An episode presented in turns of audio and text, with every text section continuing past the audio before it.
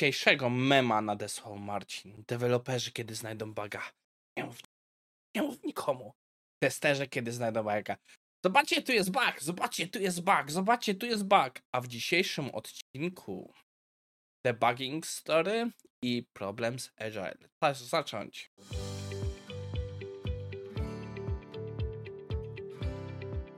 Cześć, nazywam się Maciej Wyrodek, a to jest IT Morning na 12 czerwca 2023. Dzisiejszy odcinek i parę następnych jest nagrane serią z wyprzedzeniem, bo niestety ten tydzień dla mnie będzie taki szalony. Ehm, zanim zaczniemy dzisiejszy odcinek, chciałem trochę pomarudzić na IKEA. Nie wiem, co się stało, ale strasznie pogorszyła się jakość instrukcji i produktów. Wkładałem przez ten weekend teraz dwie szafki, e, dwie identyczne szafki, takie po prostu sypialniane.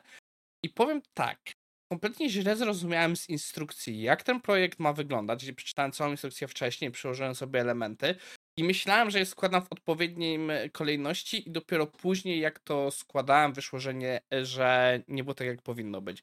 Też pewne rzeczy, które miały być dosłownie wchodzić tylko tak, że się położy, oprzeć o nie człowiek swoją masą, żeby to docisnąć, powinny się dociskać, musiałem używać wprost młotka, który niestety trochę uszkodził te elementy, że jestem bardzo niezadowolony z jakości wykonania tych produktów, a co jeszcze gorsza, nie mogę tych produktów ocenić, bo na stronie IKEA okazuje się, dostaje się randomowe produkty do oceny i na dodatek, no, musisz być członkiem jakiegoś ich programu partnerskiego.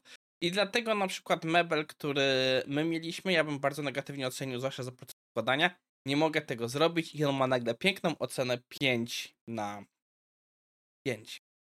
E, Łyczek teraz pije herbatę Ice Tea o nazwie Mama, Mama Mia, domowej roboty.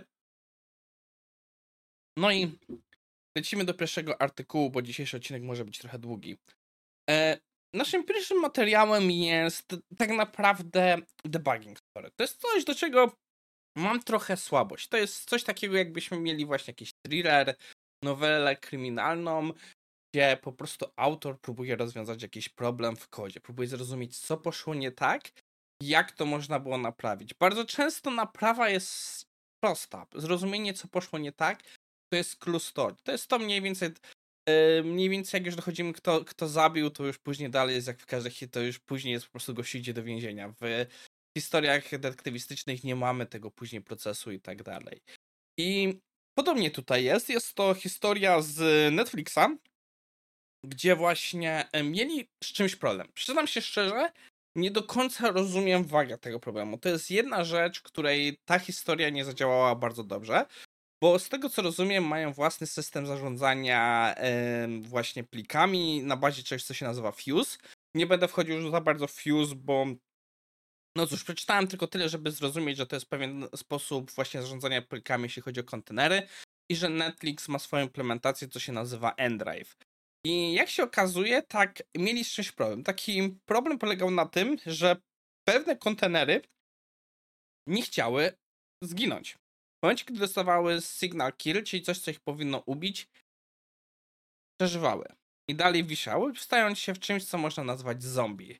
I właśnie autor y, próbuje zdebagować, zrozumieć o co chodzi. Nie będę wchodził dalej w tą historię, bo naprawdę takie historie to najlepiej przeczytać w ten sposób, jak autor to opisuje, a nie, że ja wam będę to tłumaczył.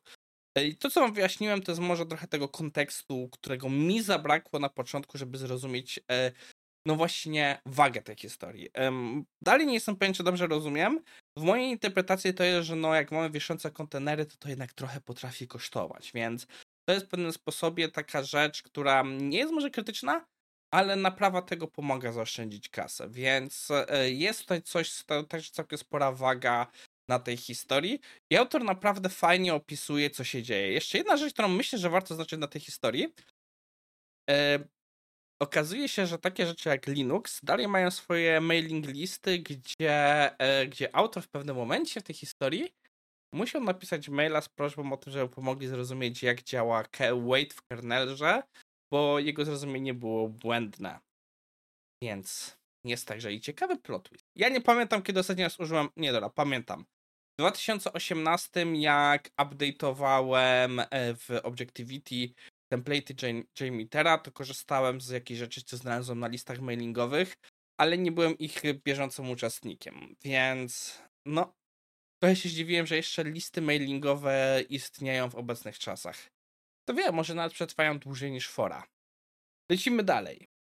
Naszym drugim artykułem jest, Maciek zapomniał przewinąć e, e, interfejs do końca, e, pewne przemyślenia autora na temat tego, że Agile nie jest dla niego. I to, co mnie bardzo zaciekawiło w tym artykule, to to, że autor ma bardzo dużo ciekawych spostrzeżeń. Pewne rzeczy ze mną się bardzo zgadzały. E, I zaczyna od tego, że uważa, że w obecnej chwili jest bardzo dużo rzeczy dość popsutych w świecie Agile.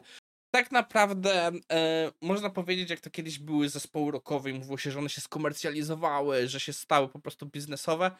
Podobnie można powiedzieć o, o Agile'u. Autor przechodzi tutaj historię o tym, że właśnie jak to zaczynał na początku się Agile i że e, zwrócił uwagę na coś, o czym ja nigdy nie pomyślałem. I tak naprawdę zastanawiam się, czy to właśnie nie jest dużym problemem Agile'a. Jakoś mi to unikało. A mianowicie autor, zaznacza dwie rzeczy. Że po pierwsze Agile Manifesto i Agile koncentruje się na dwóch rzeczach: iterowaniu i szukaniu celu.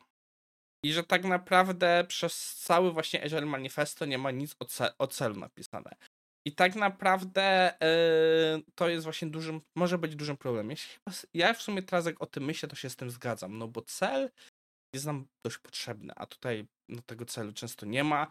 I bardzo często tym celem było working software. W teorii mamy właśnie współpracę z klientem i tak dalej, i tak dalej, i tak dalej, ale no, dało mi to trochę do myślenia.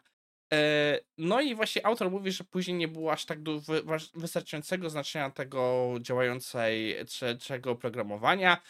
I trochę rozmawia o tym, że Agile na początku nie był brany zbyt poważnie, bo to jest coś, co powstało w IT i nie chciało z tego IT wyjść i tak naprawdę byli różni e, konsultanci w stylu właśnie e, tak ala wzorujący się na McKinsey i że tak naprawdę oni mówili dużo o tym maksymalizowaniu tego flow, e, jak to powinno działać, ale tak naprawdę nikt poza IT nie brał ich, ich poważnie.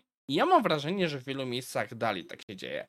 Ale jak to autor zaznacza, w pewnym dniu zostali potraktowani poważnie i tak naprawdę to jest moment, kiedy stracili kontrolę nad Agile, bo teraz jest bardzo dużo speców od Agile, którzy nie potrafią powiedzieć, kim jest Kent Buck, Ward Cunningham, e, Brain Matry, e, Marik i, i inni osoby podpisujące właśnie to Agile Manifesto, bo tak naprawdę faktyczne firma La McKinsey weszły w to i zaczął się prawdziwy świat, i zaczął się świat Corpo Agile'a, który stał się bardzo sformalizowany.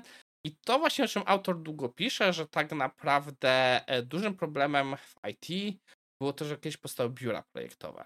I tak naprawdę, że to powodowało duży, e, duży proces top-bottom, top czyli zarządzanie od góry, i że tak naprawdę właśnie e, The Agile Manifesto było reakcją na ten proces, że było reakcją na to, że właśnie taki e, proces, który jest ciężki na górze, żeby go się pozbyć.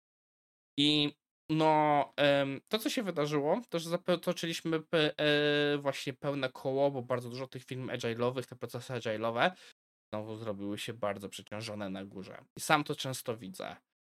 E, I właśnie autor zaznacza, że to jest jego podsumowanie, że Agile obecnie jest zdominowany przez management. I tak naprawdę to, co on powinien robić, empowering people, empowering development, przestało się dziać.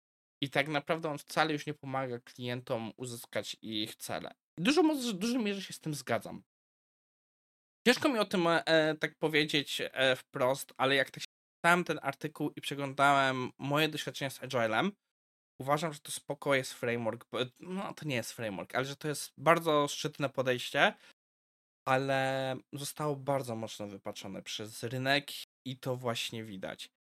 Kolejną rzeczą jest, mam wrażenie, że Agile kompletnie nie radzi sobie w sytuacjach, gdzie my mamy zderzenia właśnie świata, nazwijmy to czysto software, ze światem, e, ze światem właśnie rzeczywiste. W momencie, gdy mamy właśnie wszystkich producentów samochodów, mamy oprogramowania na jakieś właśnie, nazwijmy to na pewnym sensie IoT, urządzenia, e, które aż tak nie mogą za szybko wydawać swojego oprogramowania, bo to po prostu wersja fizyczna wymaga testowania, gdzie bardzo często jest oprogramowanie z częścią e, narzędzia i te iteracje trwają wiele dłużej.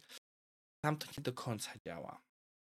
no cóż, mam takie przemyślenia, ale jeszcze nie wiem, co z tym zrobić. Chyba będę musiał gdzieś trochę głębiej przyjść się właśnie na to jakieś case studies, jak obecnie działa Agile e, i jak jest odbierany na świecie.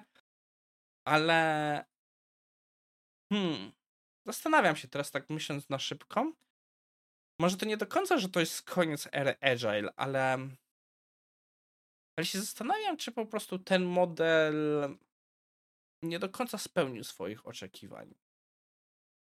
Niektórzy mówią, że Agile Manifesto też nie powinno się śledzić, bo ma już 20 lat. Ale jak tak dalej patrzę, to czy to, co właśnie ono sobą oferowało, to nie jest wręcz pewnie sprzeczność tym, co się dzieje obecnie. Dobra, będę tak długo mógł myśleć, ale nie jesteście tutaj po to, żeby słuchać moich myśleń na bieżąco, więc czas to podsumować. Na start mieliśmy ciekawą historię z debuggingiem, naprawdę polecam ją przeczytać.